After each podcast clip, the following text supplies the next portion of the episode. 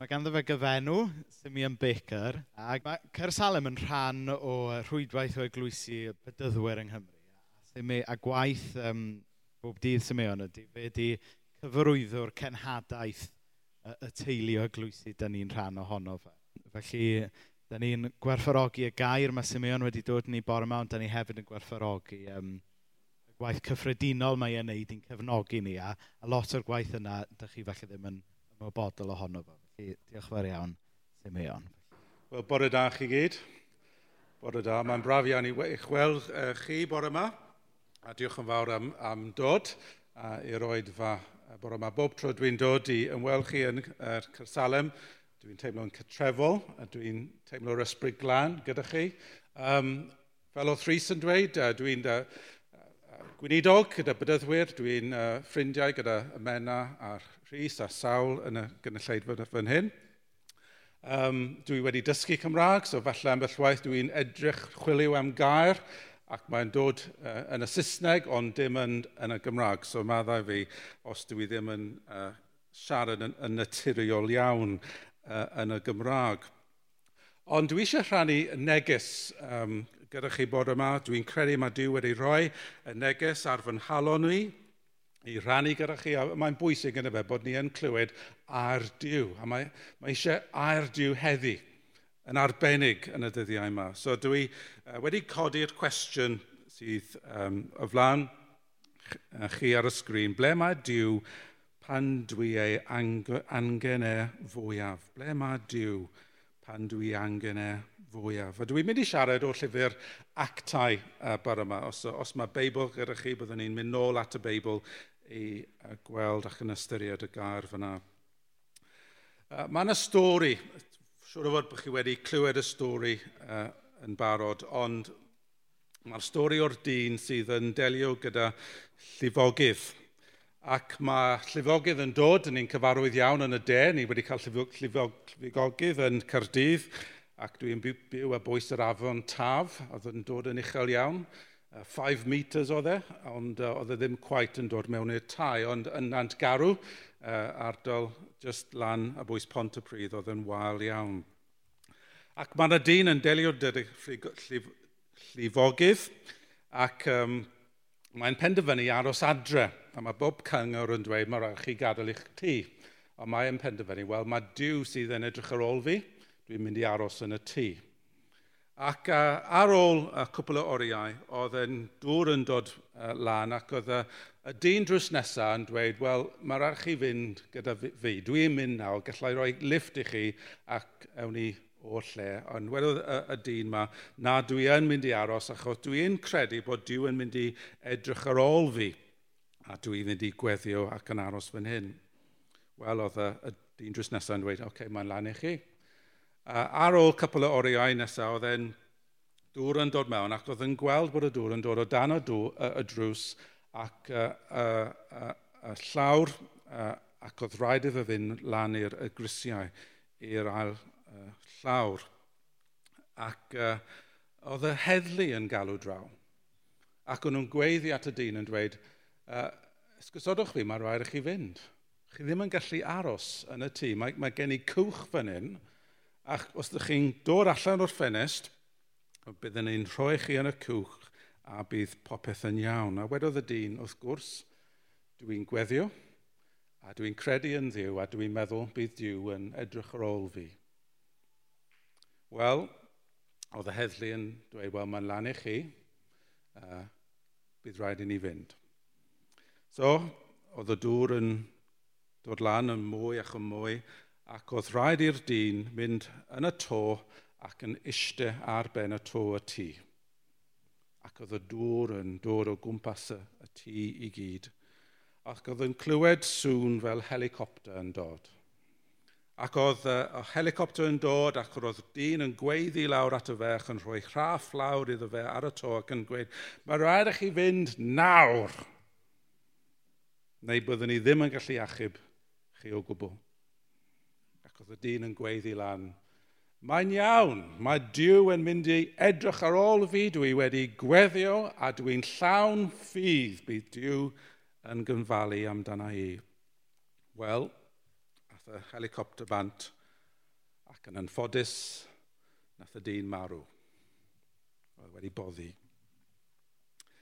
Ac ar ôl cyrraedd yn y nefoedd, oedd e'n cyfarfod gyda Dyw ac yn gofyn y cwestiwn, Dyw, ble o'ch chi?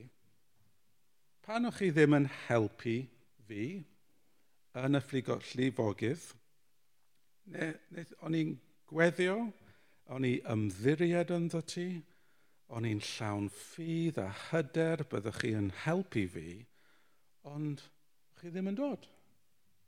Ble o'ch chi? A wedodd Dyw wrth y dyn. Nes i anfon y, drws, y dyn drws nesaf i chi.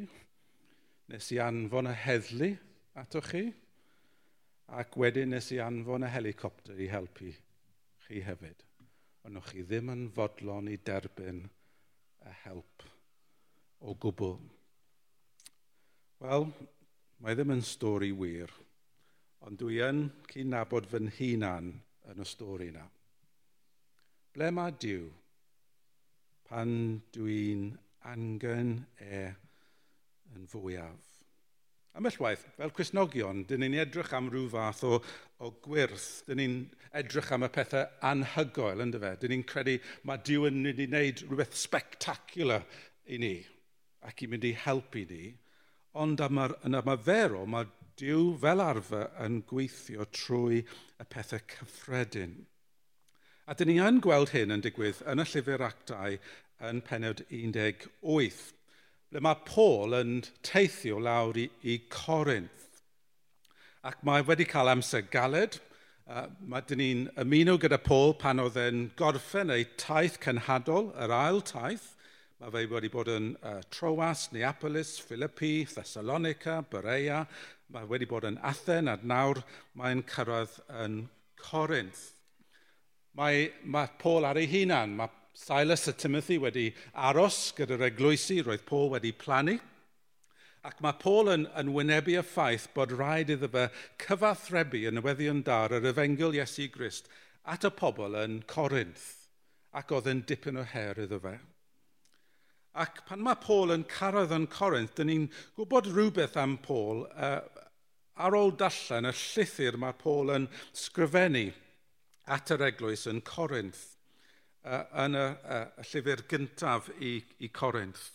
A mae Paul yn dweud hwn, ac dyn ni'n gwybod faint, rhywbeth bach am uh, y sefyllfa ble oedd Paul a, a, ar, ar y pryd.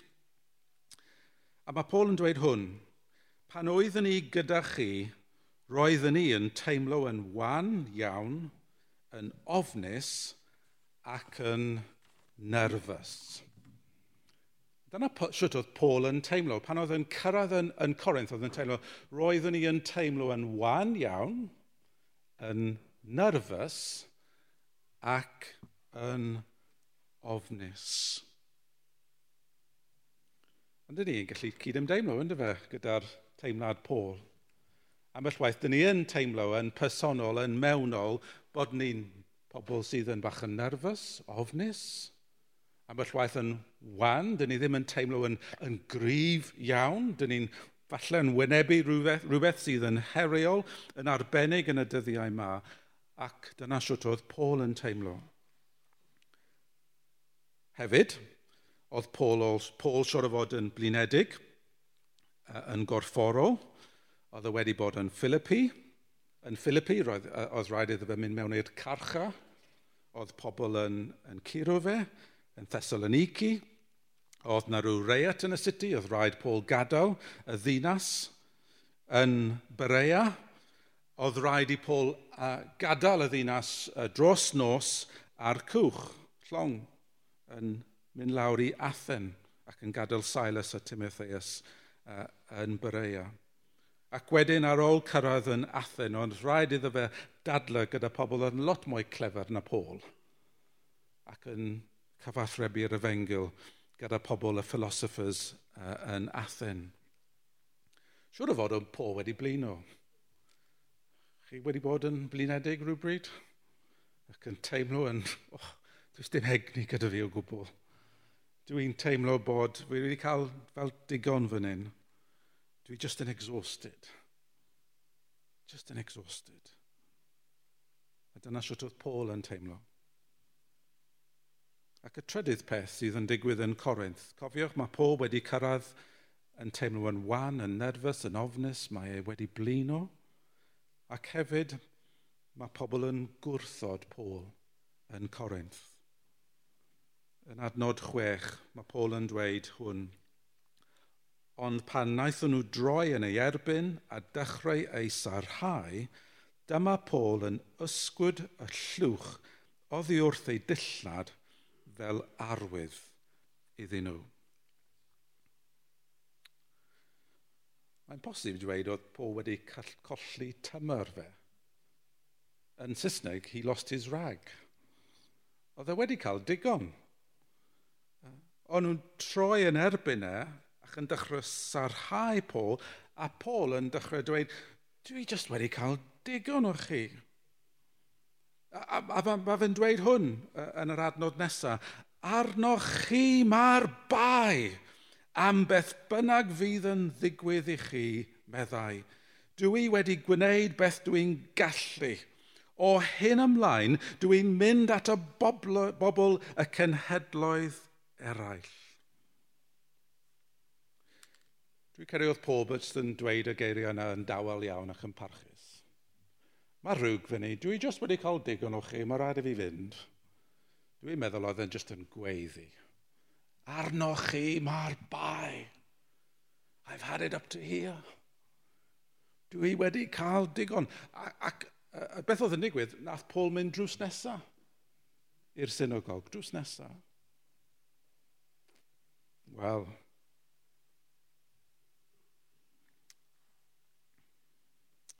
dwi'n siŵr yn Cynarfon, chi ddim byth yn teimlo fel hyn.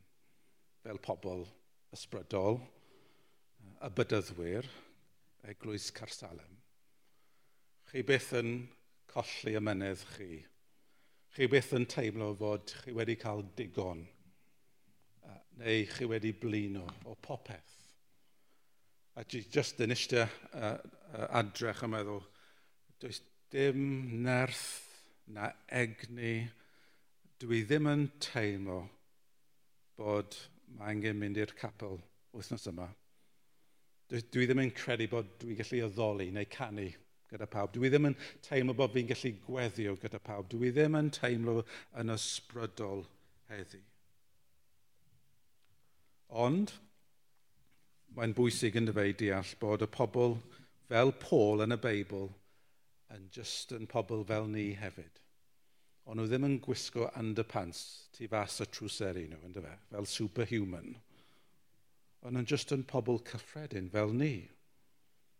Pobl sydd yn delio gyda her, pobl sydd ddim yn gwybod ble mae'r dyfodol yn arwain, pobl sydd yn poeni am gwaith, pobl sydd yn poeni am y teulu ni, pobl sydd yn becso am beth sydd yn digwydd yn y newyddion heddi, ac dyn ni'n trial wynebu yr hyr sydd yn y flaen ni ac yn meddwl, ble mae Dyw?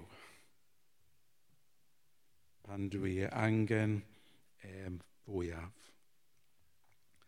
Wel, dwi eisiau dangos i chi bore yma, jyst gyda gar o enogaeth yn, yr, yn y Beibl, sut oedd Dyw yn dod o'n agos i Paul. Fel oedd y stori nes i dweud rhaid ar y dechrau, beth oedd Dyw yn anfon i Paul yn y sefyllfa yna. A falle, beth mae Dyw yn anfon i chi bore yma yn eich sefyllfa chi nawr. A beth mae Dyw eisiau dweud wrthoch chi, a ydych chi'n gwrando, a beth mae'r ysbryd glân yn trial dweud wrtho ni bore yma yn ein oedfa. Y peth cyntaf sydd yn digwydd i Paul Cofiwch y sefyllfa ble oedd yn sefyll uh, yn Corinth. Y peth cyntaf mae ma, ma, ma Dyw yn neud i pob, mae yn anfon y cymdeithas trwy gyfeillion Aquila a Priscilla. Siwr o fod, chi wedi gweld y, y, y, y cyfres ar y teledu Friends. Chi wedi gweld Friends ar y teledu? Dwi'n credu mae fe'n ar gael ar, ar Netflix. Ac oedd y cyfres ar y teledu Friends – Mae yn dros 5 ar hugen mlynedd oed nawr, ac mae yn eitha hen. Ond ar Netflix mae efo dal yr, yr un mor poblogaidd ar Netflix na unrhyw rhaglen arall. Mae'n diddorol, ynddo fe? Bod pobl dal eisiau gweld y cyfres uh, Friends ar y teledu. Uh, Chandler, Rachel, Phoebe, Ross. Mae Rhys yn cyfarwydd iawn ar, ar cyfres Friends. A mae angen ffrindiau, ynddo fe. A dwi'n eithaf beth sy'n digwydd, adnod 2. A dyma, fe'n cyfarfod iddo o'r enw Aquila, oedd yn dod yn reiddiol o Pontus, roedd Aquila a'i raig Priscilla wedi symud i Corinth o'r eidol ychydig cyn hyn, a gwneud pebyll oedd eu crefft nhw fel untai, a felly aeth Paul i weithio atyn hw chi'n credu mewn coincidences, cyd-digwyddiad. Oedd hwn yn cyd-digwyddiad. Roedd Paul yn cyrraedd yn Corinth ac ar yr un amser oedd cwpl o'r enw Priscilla ac Aquila ac yn troi lan ar yr un pryd. Na. Oedd Dyw yn neud rhywbeth yn fe. A beth oedd yn amlwg, o'n nhw'n rhannu gwaith gyda'n gyda gilydd. Oedd e'n uh, Uh, it worked out. Sa'n gwybod swy ti'n neud hwn. Mae wedi colli pen fi. Yep, I've lost it. Oedd e'n gweithio mas fel oedd Aquila a Priscilla yn neud yr un gwaith a beth oedd Paul yn neud. Paul oedd yn gwneud pebyll hefyd, oedd e'n tent maker. Oedd e'n just yn amlwg, oedd e'n digwydd fel oedd nhw'n dod yn yr un ddinas at yr un pryd pan oedd Paul eisiau rhywun i helpu fe ac oedd Priscilla ac Aquila yn dod ato fe. Dwi'n meddwl oedd hwn yn rhodd o ddiw i Paul am, y, am yr amser nar. Dyn ni yn gallu edrych ymlaen at rhyfeiniaid a uh, clywed beth mae Paul yn dweud am Priscilla ac Aquila. Mae, mae fe'n dweud hwn yn, yn rhyfeiniaid. Cofiwch fi at Priscilla ac Aquila sy'n gweithio gyda mi dros y Mesoea Iesu dau naeth fentro bywydau er fy mwyn i. A dim fi ydy'r unig un sydd yn ddiolchgar iddyn nhw, ond holl eglwysu'r cenhedloedd hefyd. Dyna sut oedd Paul yn disgrifio y gyfeillgarwch rhwng fe a Priscilla ac Aquila yn y dyfodol. Ac ond fan hyn oedd yn dechrau, oedd yn cychwyn fan hyn yn Corinth. Ble mae Dyw pan dwi angen e yn fwyaf? Wel mae yn anfon at Paul yn Corinth pan oedd yn teimlo yn wan, yn ofnes, dau ffrind, Priscilla ac Aquila. Pobl oedd yn gallu rhannu pethau gyda'n gilydd, rhannu ffydd gyda'n gilydd, ac yn fod yn cydweithiwr. Pobl oedd yn mynd i rhoi eu bywydau er fy mwyn Paul yn y dyfodol. Ac mae rhaid i fi dweud bore yma, mae angen ffrindiau gyda ni fel Priscilla ac Aquila. Mae angen ffrindiau. A mae Dyw yn gallu anfon ffrindiau sydd yn gallu helpu ni ac yn annog ni i fod yn dod mwy, mwy agos at Iesu Grist. Ges i text bore yma uh, mae ffrindiau gad, da gyda ni, oedd uh, dyn ni wedi bod yn nabod nhw ar Samsa, o'n i yn yr ysgol yn Llandysl, uh, blynyddoedd yn ôl, dipyn o blynyddoedd nawr. Um, ac uh, oedd Martin a Suzanne yn, yn ffrindiau gyda ni. Ni wedi bod ar wyliau gyda'n gilydd dros y blynyddoedd ac dyn ni yn cyfarfod bob mis mwy na lai jyst i dalan. Ac oedd Suzanne yn anfon text, oedd hi'n gwybod, o'n i'n pregethu bon yma, oedd hi'n gwybod bod fi'n teimlo'n nerfus yn bregethu yn Gymraeg, yn ofnus, yn wan. Ac nath i dweud, just text bach, Simeon, just want you to know we're praying for you this morning. And here's a song that I was listening to sydd yn gallu helpu chi falle. Cyn bod chi'n pregethu, dwi'n gwybod bod ni'n byw mewn cyfnod anodd a dwi eisiau anodd chi bore yma. Ac dyna beth oedd y text. Dwi'n werthfawrogi ffrindiau da sydd yn gallu helpu fi yn y gwaith, yn y bywyd ysbrydol, sydd yn barod i sefyll ochr wrth ochr gyda fi. Os ffrindiau gyda chi,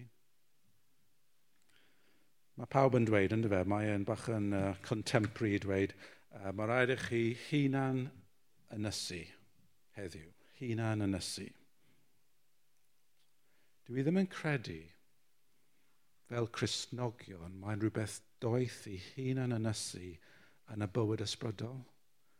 Chi ddim yn gallu dilyn Iesu ar ben eich hunan. Mae'n amhosib.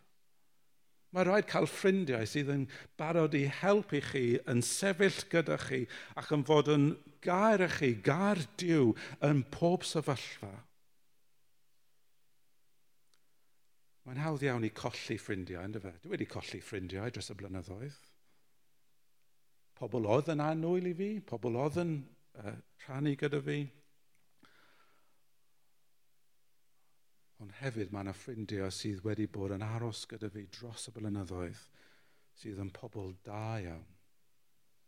Cadwch eich ffrindiau yn agos Ac os ydych chi'n meddwl bore yma, wel, does dim ffrindiau agos gyda fi, wel, mae gyda fi rhyw fath o cyngor i chi. Os ydych chi eisiau ffrindiau, mae rhaid i chi fod yn ffrind, ynddo fe? Mae rhaid i chi fod yn ffrind i bobl. A mae'r perthynas yn datblygu. So dyna'r peth gyntaf sydd yn digwydd i, i Paul yn Corinth. Yr ail peth sydd yn digwydd, ac mae hwn yn, yn, yn y text hefyd, mae Paul yn profi y cymdeithas yr eglwys. Trwy pobl diw, cymdeithas yr eglwys. Chi'n licio fel y murder a mystery suspense? Ie? Yeah? Chi'n licio murder mystery? Wel, mae gyda fi chi mystery bore yma yn y testyn fan hyn. Beth sy'n digwydd yn um, y penod 18 adnod 5, mae Silas a Timothy yn cyrraedd yn Corinth. So mae'r wedi, po wedi bod ar ben ei hunan a mae Silas yn Timothy yn cyrraedd. A wedyn beth sy'n digwydd yw hwn. Ar ôl i Silas a Timotheus gyrraedd o Macedonia, dyma'r Paul yn mynd ati pregethu llawn amser. Llawn amser. Wel, yn amlwg, oedd e wedi bod yn rhan amser.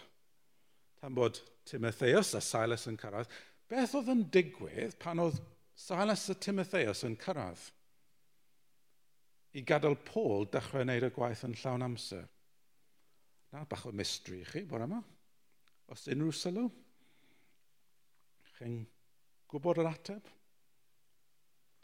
Wel, wrth gwrs, o'n nhw'n dod â rhodd o'r yr eglwysi i helpu Paul cario ymlaen pregethu yn llawn amser oedd yn rhyw casgliad wedi digwydd yn Berea, yn Philippi, yn Thessalonica, ac oedd Silas a Timotheus yn dod gyda arian na ac yn rhoi e arian ei Paul i cefnogi fe yn y gwaith ac yn dweud, right, does dim angen i chi gweithio ar y, a, yn gwneud pebyll nawr Paul, chi'n gallu pregethu yn llawn amser.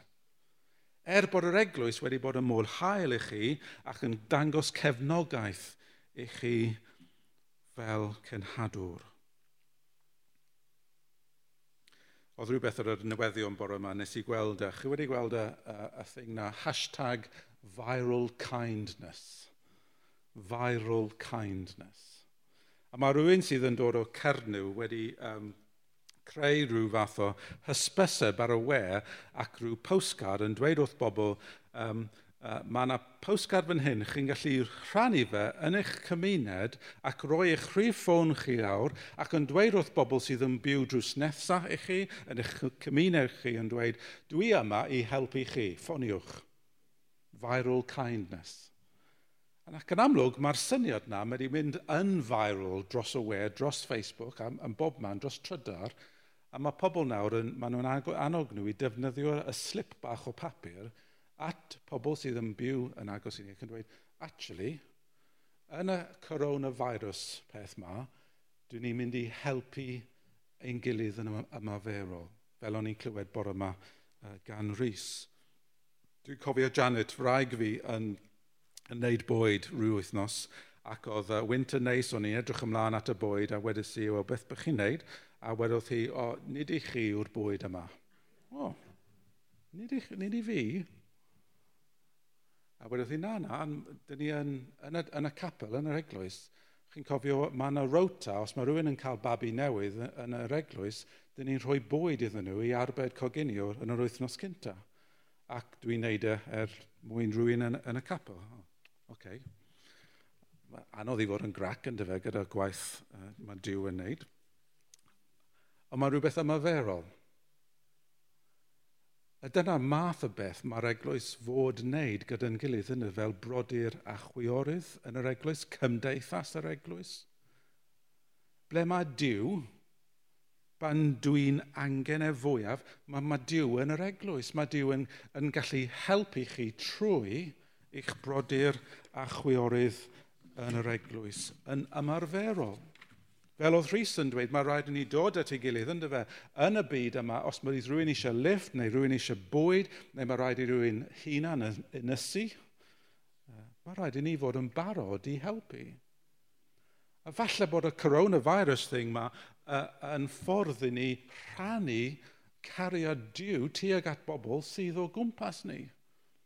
Fel Cresnogion, dyn ni yma i cefnogi chi fel cymuned a mae'n cyfle i dod i nabod pobl. Mae rhaid i ni fod yn doeth wrth gwrs ac dilyn y cyngor, ond mae rhaid i ni fod yn eglwys sydd yn gweithio yn amarferol. Ac dyna sut oedd Paul yn cael ei annog yn Corinth trwy Silas a Timotheus. Diddorol iawn. Ac y trydydd peth, ac y peth olaf sydd yn digwydd yn y, yn y testyn yma, falle y pethau pwysicaf sydd yn digwydd i Paul. Cofiwch ble oedd Paul yn sefyll? Oedd e'n nerfus, wan, oedd e'n teimlo bach yn blinedig. Oedd e wedi cael digon ac beth sy'n digwydd yn adnod naw. Un noson, cafodd Paul weledigaeth. Pan ddywedodd yr aglwydd wrtho, paid bod ofyn dal ati i ddweud wrth bobl amdana i, paid bod yn ddistaw. Dwi gyda ti a fydd neb yn ymosod arna ti na gwneud newid i ti. Dwi'n mynd i achub llawer o bobl yn y ddinas yma. Waw. Beth sydd yn anhygoel i fi oedd Iesu yn gwybod popeth amdana Paul yn ei sefyllfa. Oedd Iesu Grist yn wybodol am popeth oedd Paul yn teimlo yn ei, yn ei calon. Oedd Dyw yn, yn gwybod o holl sefyllfa i gyd ac yn meddwl, right, dwi, mae gair gyda fi i chi, Paul, yn eich sefyllfa fan hyn. Ac oedd y arglwydd yn siarad trwy'r ysbryd glân i Paul paid bod yn ofn a dal ati. Os na cyfle bod yma i'r ysbryd glân i dweud rhywbeth i chi, ble rwy ti yn sefyll reit nawr yn yr oedfa hon.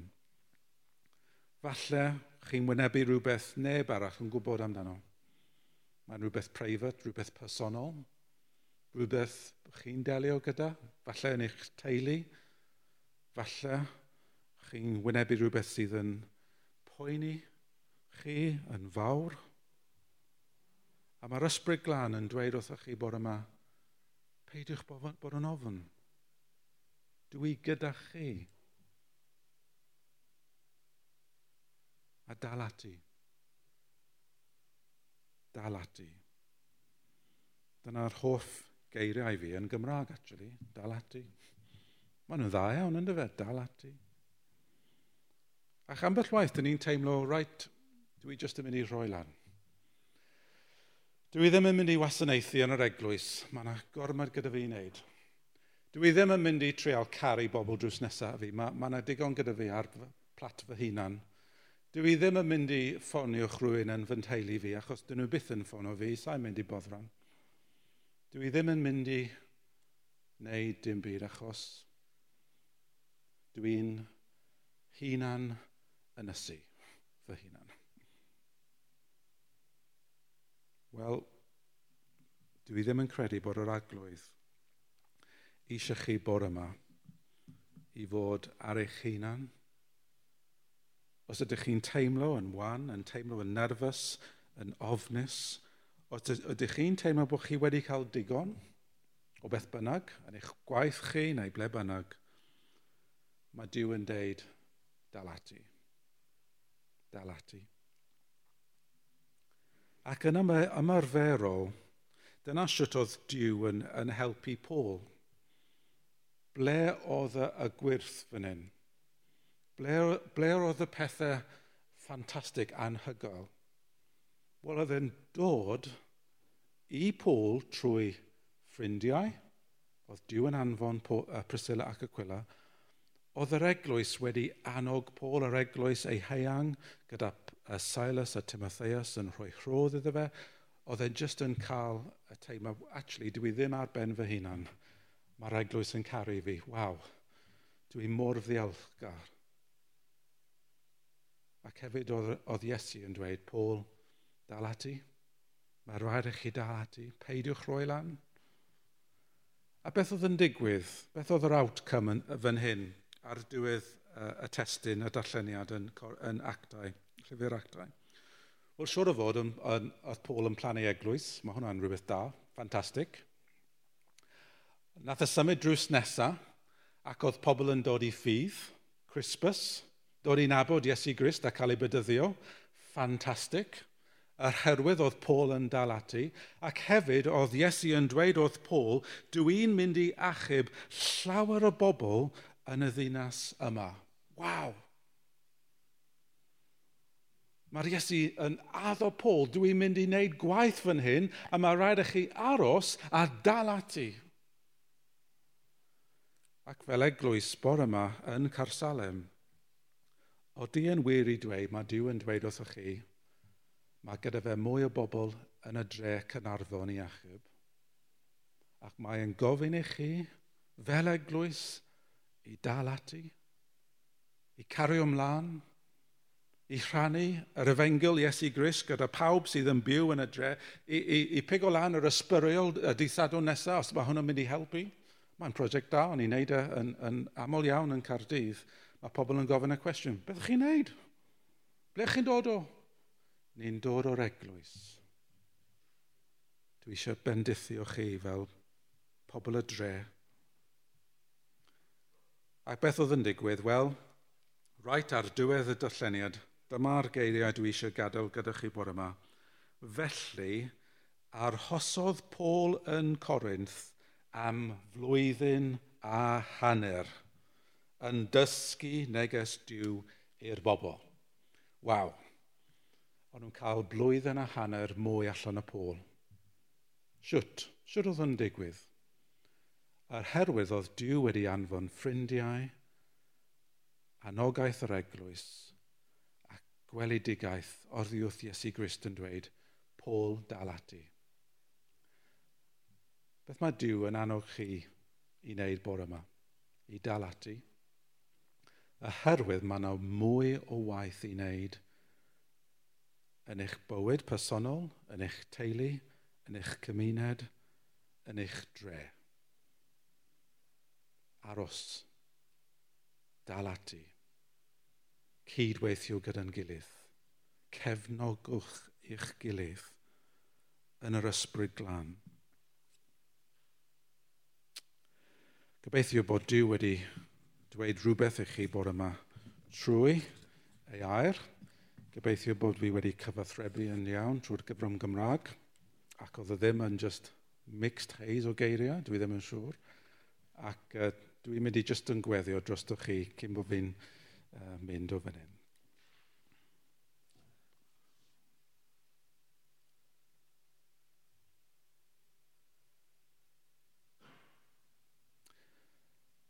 O diw Dad, dyn ni yn diolch i ti am yr eglwys hon. Am pawb sydd wedi ymuno bore yma, sydd wedi clywed dy ar di, sydd wedi dod at ei gilydd i weddio, i, i addoli di. Ac dyn ni yn gofyn nawr am dy bendith, bendith yr ysbryd glân, i helpa ni fod yn pobl sydd yn gallu ddangos dy gariad di at pawb sydd yn ein dre ni, sydd yn ein teulu ni, yn ein gwaith ni. Ac yn arbennig yn, y, yn yr oes hon ble mae'r pethau yn anodd, uh, newyddion yn newydd o dydd i ddydd. Dyn ni'n gofyn am dy help i gwybod siwt allwn ni dal ati fel eich pobl ti. O diw dar, helpu ni ffindio'r bobl sydd yn gallu sefyll ochr ar ochr gyda ni, yn mynd i annog ni, yn mynd i helpu ni dal ati, a helpu ni fel eglwys i bod yn ymarferol yn ein waith ni i gweddio jyst yn gilydd, i cefnogi ei gilydd, ond hefyd i, i jyst yn bod yn barod i rhannu y bywyd gyda'n gilydd ac yn fod yn agored i, i dy ysbryd glan i arwain ni, i wneud y pethau ymaferol, i defnyddio'r adoniau rwy ti wedi rhoi ni. Caradigrwydd, cyfellgarwch, lletygarwch. Ac ar ben popeth, help yna clywed dy lais di iaith, la, llais yr ysbryd glan i dweud dal ati, cario ymlaen. A dyn ni yn gofyn hyn yn enw Iesu Grist ein harglwydd. Amen.